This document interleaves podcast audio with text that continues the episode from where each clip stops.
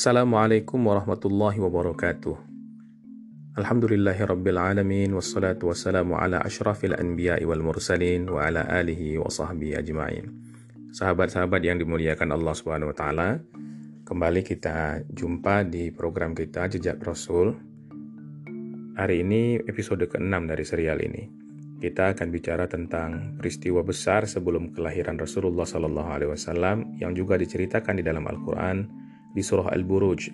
Peristiwa itu adalah peristiwa Ashabul Ukhdud. Peristiwa ini terjadi di daerah Najran, wilayah selatan Saudi Arabia kalau sekarang yang berbatasan dengan Yaman. Ibnu Ishaq mengatakan, ya kabar yang dia dapatkan dari Wahab bin Munabbih bahwa orang-orang Najran ini memeluk agama Nasrani setelah agama itu dulu dibawa oleh seorang pendeta yang bernama Faimiyun. Rasulullah menceritakan Kisah ini di dalam satu hadis yang panjang yang diriwayatkan oleh Imam Muslim. Berkata Nabi Shallallahu Alaihi Wasallam, dulu di zaman sebelum engkau ada Malik, ada raja, wakan adalah sahir. Raja itu juga memiliki seorang tukang sihir sebagai penyokongnya. Ketika tukang sihir itu beranjak tua, dia berkata, Inni qad kabira sinni wa hadara ajali, fadfa ilayya gulaman li'u'allimahu sihir. Aku ini sudah tua, sebentar lagi mungkin aku wafat ajalku sudah dekat, maka tolonglah Tuhan datangkan kepadaku seorang pemuda, biar saya ajarkan kepada dia sihir ini, agar aku mengkader dia menjadi penggantiku nanti. Maka dipilihlah seorang pemuda dalam kitab sirah yang lain disebutkan pemuda itu bernama Abdullah bin Samir. Tapi dalam hadis ini dia cukup disebut dengan nama Gulam saja, seorang pemuda saja. Dia pemuda pilihan yang tentunya punya bakat dan kecerdasan. Si pemuda ini kemudian belajar sihir. Dan memang pelajaran sihir di negeri Najran pada masa itu adalah satu yang hal yang lazim saja dilakukan oleh orang-orang. Tapi suatu ketika dia bertemu dengan seorang rahib. Rahib ini mengikuti ajaran Nabi Isa, dia adalah rahib Nasrani. Nah, si pemuda berinteraksi dengan dia, lalu melihat uh, polahnya, tingkahnya, tutur katanya, lalu kemudian nasihat-nasihat yang disampaikannya itu mengena di hati. Maka si pemuda ini memutuskan untuk menjadi murid rahib ini. Jadi dia melakoni dua pekerjaan yang sebenarnya bertentangan. Dia melakoni ajaran si rahib sambil dia terus belajar sihir. Dan akhirnya dia mengalami kesulitan dalam hal itu. Di antaranya kesulitan waktu. Sehingga dia sering terlambat dalam uh, pelajaran yang diajarkan oleh penyihir-penyihir. Nah, di situ lalu kemudian dia bertanya kepada si rahib, apa yang harus saya lakukan? Kamu katakan saja bahwa aku terhalang oleh urusan keluargaku, sehingga aku terlambat. Jangan sebut-sebut tentang apa yang engkau pelajari di sini. Melakoni dua hal yang paradoks itu memang berat bagi hati seseorang, dan si pemuda ini kemudian sampai pada puncak kebimbangannya Nah ketika itu di tengah kota mengamuklah satu binatang besar disebut saja dalam hadis itu sebagai dabah.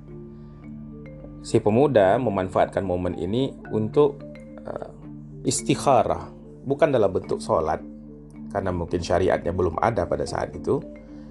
Tapi dia katakan begini, Allahumma in kana amrul rahib ahabbu ilaika wa arda min amri sahir faqtul hadhihi dabbah.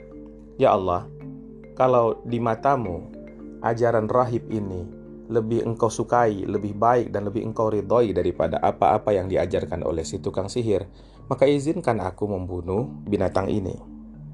Lalu si pemuda melempar binatang itu dan binatang itu secara ajaib mati. Maka manusia pun kagum kepada dia. Cuma dalam persangkaan banyak orang, ini adalah karena ilmu sihirnya yang sudah matang. Si pemuda pun kemudian melaporkan kepada gurunya. Dia menemui rahib dan menceritakan hal yang terjadi. Kata sang rahib, "Wahai anakku, anta afdalu minni. Engkau ini memang lebih baik dariku. Tapi ini akan punya efek buruk. Hal ini akan mendatangkan cobaan bagi kita. Nah, apabila engkau diuji satu hal dikarenakan kabar ini, dikarenakan kemasyhuranmu ini, maka tolong engkau jangan ceritakan apa pun tentang aku. Lalu mulailah satu fragmen baru dari kehidupan sang pemuda di mana orang-orang datang kepadanya. Ada orang yang terkena sopak, ada orang yang terkena penyakit aneka macam, lalu minta disembuhkan karena dia dikira ahli sihir yang sangat sakti. Nah, sang pemuda memanfaatkan ini untuk dakwah. Ini penting kita catat bahwa dakwah bilhal, dakwah dengan perbuatan, dengan mendatangkan kemanfaatan bagi orang-orang itu lebih cepat diterima daripada hanya perkataan-perkataan saja. Sebab itulah Rasulullah memberikan pesan kepada kita khairun nas anfa'uhum linnas. Orang yang paling baik itu adalah orang yang paling banyak manfaatnya bagi orang lain. Nah, sang pemuda tadi atau kita sebutlah namanya Abdullah bin Thamir tadi. Dia memanfaatkan kemampuannya ini untuk berdakwah kepada orang-orang.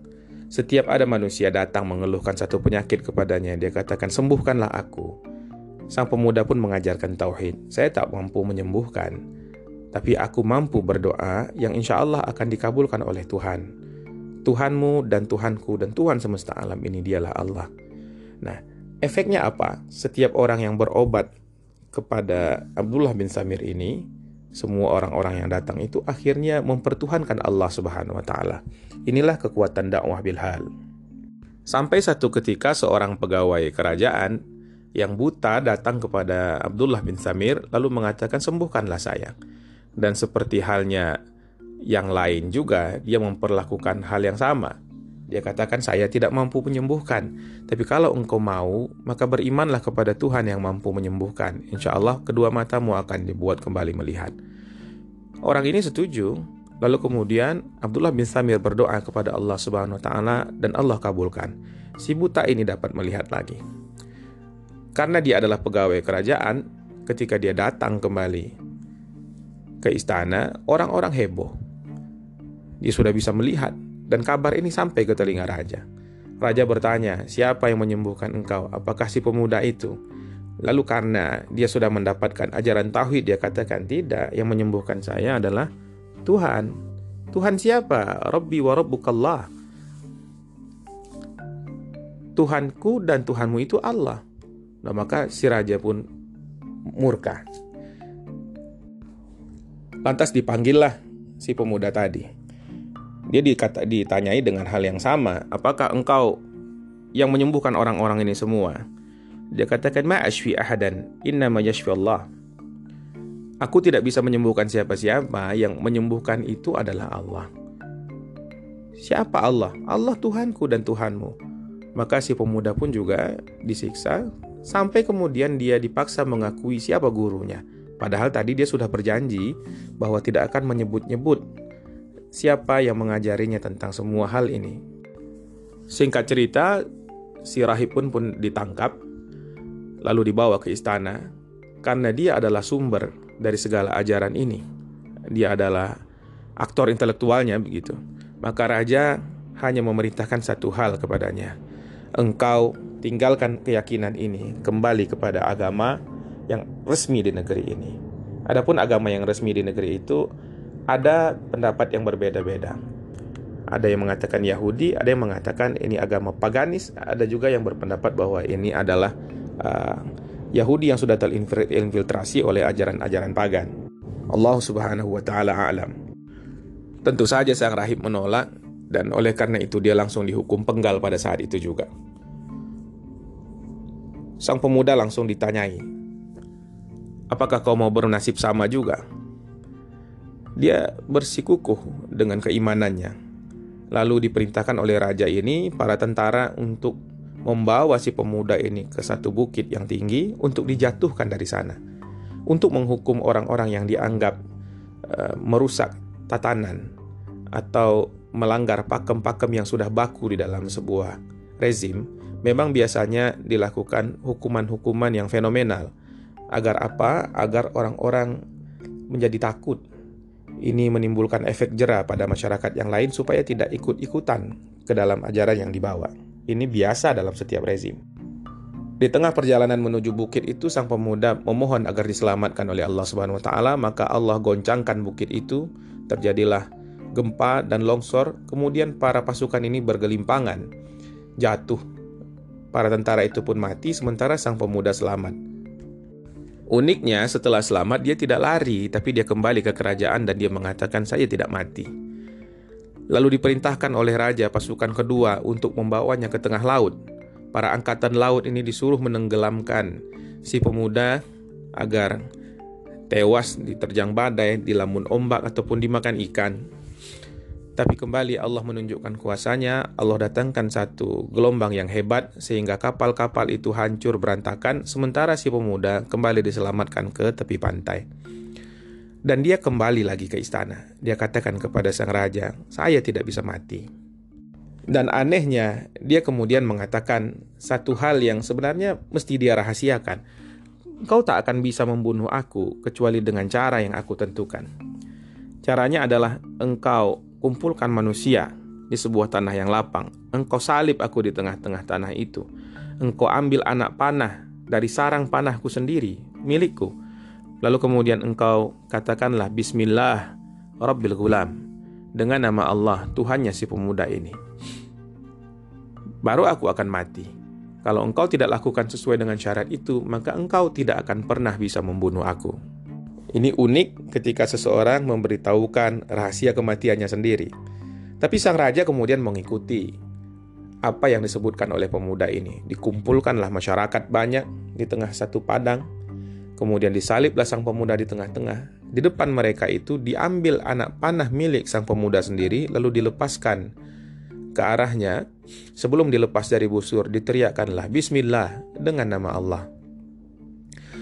Anak panah meluncur dan menempel di pelipis sang pemuda, lalu dia memegang pelipisnya, darah mengucur, lalu dia pun syahid. Dia wafat. Apakah cerita berakhir di sana? Justru ini awal cerita. Inilah yang Allah katakan wala taqulu liman yuqtalu fi amwat. Jangan engkau katakan orang yang terbunuh di jalan Allah itu mati bal ahya bahkan mereka itu hidup. Walakin la tash'urun cuma rasamu syuurmu tidak sampai untuk merasakan gelombang kehidupan mereka. Sahabat yang dirahmati Allah Subhanahu wa taala bermacam-macam makna hidup ini. Di antara makna kehidupan itu adalah ya hidupnya bersatunya jiwa dengan badan kita ini sebelum ajal sampai. Tapi kehidupan yang lebih esensial lagi adalah kehidupan hati. Itulah yang Allah katakan awaman kana maitan. Apakah orang yang mati? Fa ahyainahu kemudian kami hidupkan. Wa ja'alna lahu nuran yamshi bihi finnas. Kemudian kami biarkan dia jalan di tengah manusia dengan membawa cahaya. Kama mathaluhu fi zulumati laisa bi kharijin minha. Apakah sama keadaannya dengan orang yang senantiasa tidak bisa keluar dari kegelapan? Jadi hati yang hidup jiwa yang hidup dipenuhi oleh iman adalah kehidupan yang sebenarnya. Sementara orang yang meskipun jasadnya hidup, nyawanya masih ada di dalam badan, tapi tidak membawa keimanan dalam dirinya, maka mereka itu hakikatnya adalah orang-orang yang mati. Para syuhada adalah orang yang paling hidup. Mereka mati di jalan Allah, tapi Allah hidupkan jiwanya, Allah hidupkan namanya, Allah hidupkan efek-efek dari perjuangannya. Melihat kejadian itu, kematian si pemuda, masyarakat yang berkumpul tadi tertegun. Bukannya dia kemarin gak bisa mati. Tapi setelah disebutkan nama Allah, dia wafat. Berarti Allah inilah Tuhan yang benar. Lalu mereka pun mengatakan, kami beriman kepada Allah. Kami beragama dengan keyakinan yang dianut si pemuda itu. Amanna bi rabbil ulam. Maka sang raja pun terpukul. Dia tadi ingin memberantas agama ini. Dia ingin menghentikan orang dari menyembah Allah Subhanahu wa taala, lalu dia bunuh aktor utamanya. Tapi kematian itu justru menghidupkan agama ini. Memang darah syuhada, darah para martir dalam agama ini menghidupkan ajaran agama ini. Darah mereka adalah darah yang wangi. Pengorbanan mereka bukanlah satu hal yang sia-sia. Mereka adalah sumber-sumber kehidupan baru bagi tumbuh kembangnya agama sepanjang masa. Dan ini juga menjadi pelajaran bagi kita sebagaimana yang dikutip oleh Ali As-Salabi dalam Fiqh Nasri wa Tamkin. Ayat yang Allah gunakan untuk menjelaskan kejadian ini. Wa ma naqamu minhum illa ayyuminu billahil azizil hamid. Hal-hal seperti itu, siksaan-siksaan itu tidak ditimpakan kepada mereka, melainkan karena mereka beriman kepada Allah yang Maha Terpuji. Jadi sering kali permusuhan yang dilakukan kepada orang-orang yang beriman itu adalah permusuhan ideologis, adalah permusuhan yang diakibatkan oleh akidah, bukan yang lain. Adapun hal-hal lain seperti motif ekonomi politik adalah motif luarannya saja. Tapi kebencian syaitan, kebencian para kufar kepada agama itu adalah kebencian yang memang eksis dan itu akan selalu diejawantahkan dalam bentuk permusuhan baik yang tersirat maupun yang terpendam. Maka sang raja pun murka. Tujuan tidak tercapai, malah rakyatnya pula yang uh, mengingkari agama kaumnya. Oleh sebab itu dia perintahkan pasukannya untuk menggali parit. Nah inilah ashabul ukhdud adalah orang-orang yang membuat parit. Di parit itu dinyalakan api. Maka kemudian orang-orang yang uh, berpindah agama, yang berkonversi keyakinan kepada keyakinan tauhid ini dilemparkan ke dalamnya. Orang-orang tidak takut. Inilah kekuatan iman. Bisa jadi iman itu baru sebentar melekat di hati seseorang, tapi dia tertancap kokoh. Ini juga evaluasi bagi kita. Sekian lama kita menganut agama Islam ini, apakah iman kita sudah terpancang kokoh? Apakah kita yakin kepada Allah Subhanahu wa taala? Apakah kita mau dengan lapang dada menerima segala syariat yang telah ditentukan oleh Allah Subhanahu wa taala? Apakah kita mau bertaruh nyawa untuk agama ini? Para penduduk Najran ini memberikan pelajaran bagi kita. Mungkin mereka baru sebentar dalam keimanan, tapi Allah mematri keimanan itu secara kokoh di dalam diri mereka. Pilihan murtad atau mati itu diberikan kepada mereka semua. Tapi mereka dengan keyakinan yang membaja memilih untuk mati saja. Tidak apa-apa, kita akan bertemu dengan Tuhan kita, dengan Allah di kehidupan yang lebih nyata daripada kehidupan dunia ini. Sampai ketika seorang ibu yang sedang menggendong anaknya yang berada dalam susuannya, dia ragu, dia mungkin bersedia untuk mati, tapi dia kasihan dengan anaknya. Maka berkatalah anak ini, "Isbiri ya ummah, fa innaki 'alal haq." Ini diceritakan dalam hadis riwayat Imam Muslim uh, di kitab Zuhud war Raqaiq bab ini bab Ashabul Ukhdud. Katanya isbiri ya ummah wahai ibuku sabarlah bayi ini bicara. Fa innaki 'alal haq engkau sudah berada di jalan yang benar. Maka sang ibu pun tidak ragu lagi. Raja zalim ini yang membunuh orang-orang beriman ini dialah Zunuwas yang kita ceritakan tempo hari. Dia adalah raja yang mengambil alih kembali kekuasaan keluarganya dari tangan, dari tangan seorang gay yang bernama Lakhni'ah Zushanatir. Zunuwas adalah profil orang yang religius tapi split dalam personalitasnya. Dia adalah orang yang sangat teguh memegang agamanya, tapi agama itu tidak mendatangkan kebaikan bagi dirinya. Agama itu hanya membuat dia kejam dan memaksakan kehendak menjadi tiran yang despotik. Bagi kita ini juga jadi pelajaran bahwa agama itu yang paling penting adalah asarnya. Maka Allah mengatakan, Alam tara kaifa daraballahu mathala. Apakah engkau tidak melihat perumpamaan yang telah Allah beri?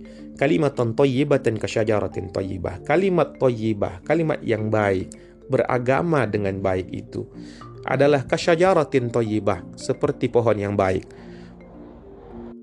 Yakni pohon yang asluha thabitun, yang akarnya kokoh menghujam. Wa far'uha fis sama. Batangnya tinggi ke langit. Tu'ti ukulaha kullahinin bi'idni rabbiha. Setiap musim dia menghasilkan buah atas izin Tuhannya. Akar itu adalah keyakinan. Keyakinan menopang batang yang merupakan peribadatan. Dan ibadah itu pada akhirnya harus melahirkan jejak dan buah. Buahnya itu adalah akhlak. Maka akhlak adalah cerminan dari mutu keagamaan seseorang.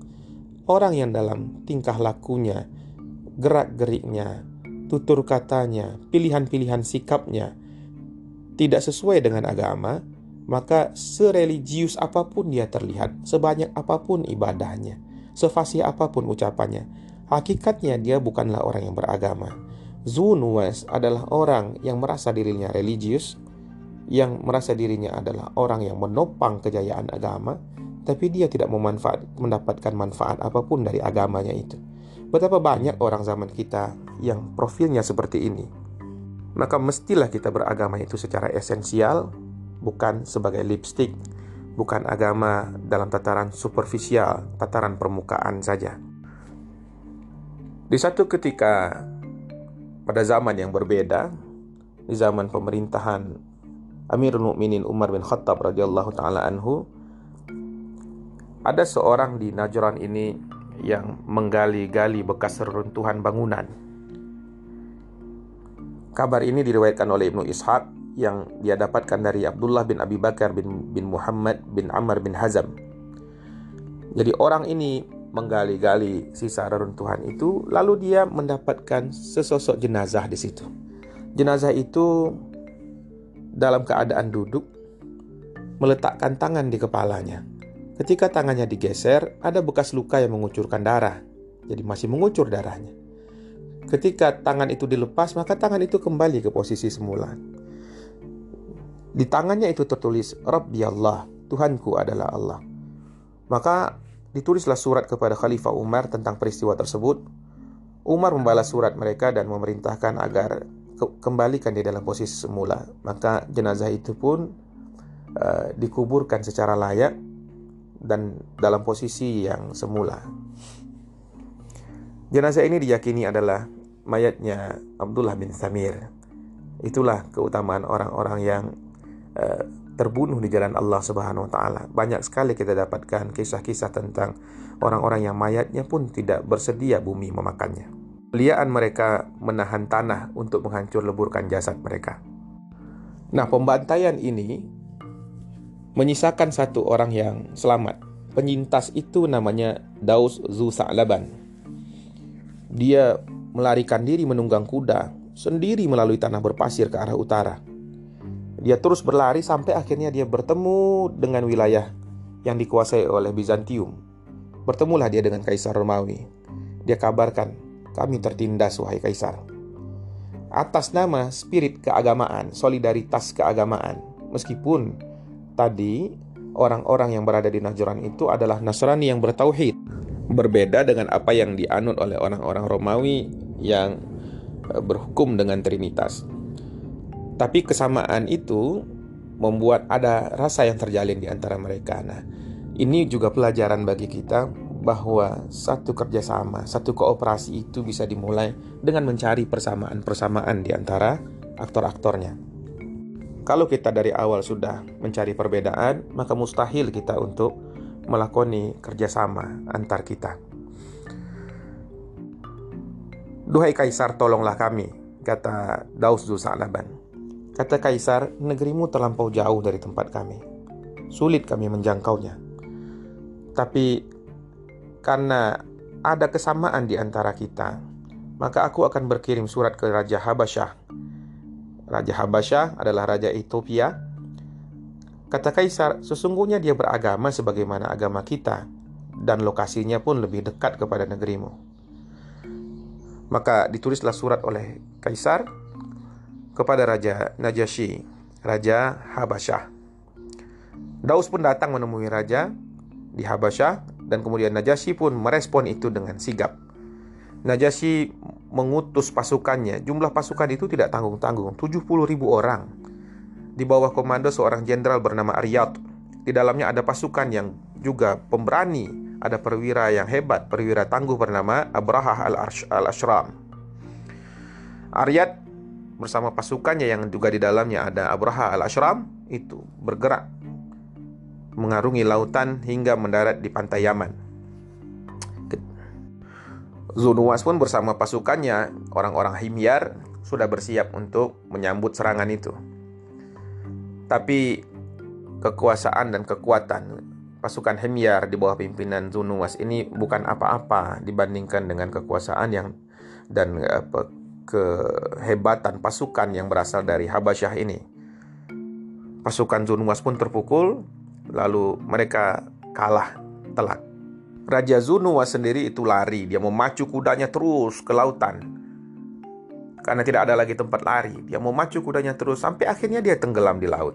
Dan akhirnya Yaman pun menjadi wilayah kekuasaan uh, Habasyah menjadi protektoratnya Habasyah ditempatkan di situ sang jenderal Aryat menjadi gubernurnya. Kalau kita merujuk kepada episode sebelumnya dalam kisah jejak Rasul ini pada uh, episode kabar-kabar kenabian inilah yang dikatakan oleh Sati sang juru ramal kepada Raja Rabi'ah bin Nasir tentang tafsir mimpinya bahwa orang-orang Habasyah, orang-orang Ethiopia akan menginjakkan kakinya di tanah kalian dan menguasai daerah kalian ini antara Abian hingga Jurash. Dan itu pula yang dikatakan oleh partnernya atau yang bernama Sheikh. Orang-orang hitam akan berkuasa di tanah kalian. Jadi, mimpi itu adalah pertanda. Lanjutan dari mimpi itu apa? Nanti akan ada nabi. Kaum dari nabi itu, pengikut-pengikut nabi itulah yang nanti akan menempati Yaman ini seterusnya hingga akhir zaman. Dan benarlah ribuan tahun berlalu, sampai hari ini pun kita masih menjadikan Yaman sebagai sebuah negeri Islam. Sahabat-sahabat yang dimuliakan Allah Subhanahu wa taala, Aryat pun berdiam di Yaman dalam beberapa, tahun sebagai penguasa kawasan. Tapi kemudian terjadi persaingan di dalamnya dengan wakilnya yakni Abraha bin Ashram, Abraha al-Ashram kekuasaan di Habasyah pun terbelah dua. Ada kelompok-kelompok yang menyokong Aryat, ada kelompok-kelompok yang lebih progresif yang menyokong agar Abraha lah yang menjadi pimpinan di sana karena dianggap lebih layak dan lebih pantas. Sengketa ini kemudian diselesaikan dengan duel pada akhirnya. Abraha keluar. Abraha ini adalah seorang yang dikatakan oleh Ibnu Hisham bertumbuh bertubuh pendek dan gemuk. Sedangkan Aryat itu adalah seorang tinggi besar dan gagah. Dia bersenjatakan lembing. Cuma Abraha sudah memasang siasat. Dia meletakkan seorang pelayannya yang bernama Ataudah di belakang punggungnya sehingga dia terlindung dari arah belakang. Ketika Aryat menyerang Abraha, lembingnya itu mengenai muka Abraha sehingga bagian alis, hidung, mata dan kedua bibirnya terbelah. Sebab itulah Abraha bergelar Al-Ashram seorang yang muka belah begitu. Nah, ketika dia terluka, dari belakangnya muncullah atau udah yang menikam Aryat, maka Aryat pun mati dalam pertempuran yang sebenarnya dimenangkan dengan cara yang uh, curang itu. Pada akhirnya pengikut Aryat pun terpaksa menerima kepemimpinan Abraha dan Abraha pun membayar diat denda darah atas kematian Aryat. Kabar itu kemudian sampai ke telinga Najasyi kepada Negus di Habasyah. Dan raja pun murka dengan semurka-murkanya. Dia katakan orang ini, Abraha ini memang sudah melampaui batas. Dia membunuh gubernur. Aku bersumpah akan aku potong ubun-ubunnya. Lalu Abraha pun mendengar kabar itu dan dia gentar. Dia lalu melakukan satu uh, bujukan kepada Najasyi. Dia ambil satu kantong dari kulit diisi dengan tanah dari Yaman. Dia katakan dalam surat yang mengiringi kantong itu, Wahai Paduka Raja, Aryat adalah hambamu, begitu pula saya. Kami beda pandangan, namun kami semua adalah taat pada Paduka. Hanya saja aku ini lebih kuat untuk mengendalikan orang Habasyah di Yaman, aku lebih teliti dan lebih terampil. Aku sudah cukur semua rambut kepalaku, tatkala sampai berita padaku tentang sumpah engkau yang akan mencabut ubun-ubunku, wahai raja. Ini aku kirimkan kantong kulit berisi tanahku, untuk engkau letakkan di bawah kedua kakimu agar tidak berlaku sumpahmu itu kepadaku. Abraha, selain dia adalah seorang politikus yang piawai, panglima yang ambisius, dia juga adalah penjilat yang hebat ternyata. Ketika surat itu sampai di tangan Najasyi, dia pun uh, akhirnya merelakan hal itu terjadi dan membalas suratnya dengan mengatakan, "Diamlah engkau di Yaman sampai datang perintahku." Maka pada saat itu, mulai saat itu tinggallah Abraha sebagai gubernur jenderal di Yaman. Nah, Abraha adalah orang yang nantinya uh, menjadi aktor utama penyerangan ke Ka'bah dalam peristiwa fil, peristiwa gajah yang insya Allah akan kita bicarakan esok hari pada episode ketujuh dari Jejak Rasul ini tentang peristiwa gajah atau peristiwa fil. Mudah-mudahan bermanfaat. Assalamualaikum warahmatullahi wabarakatuh.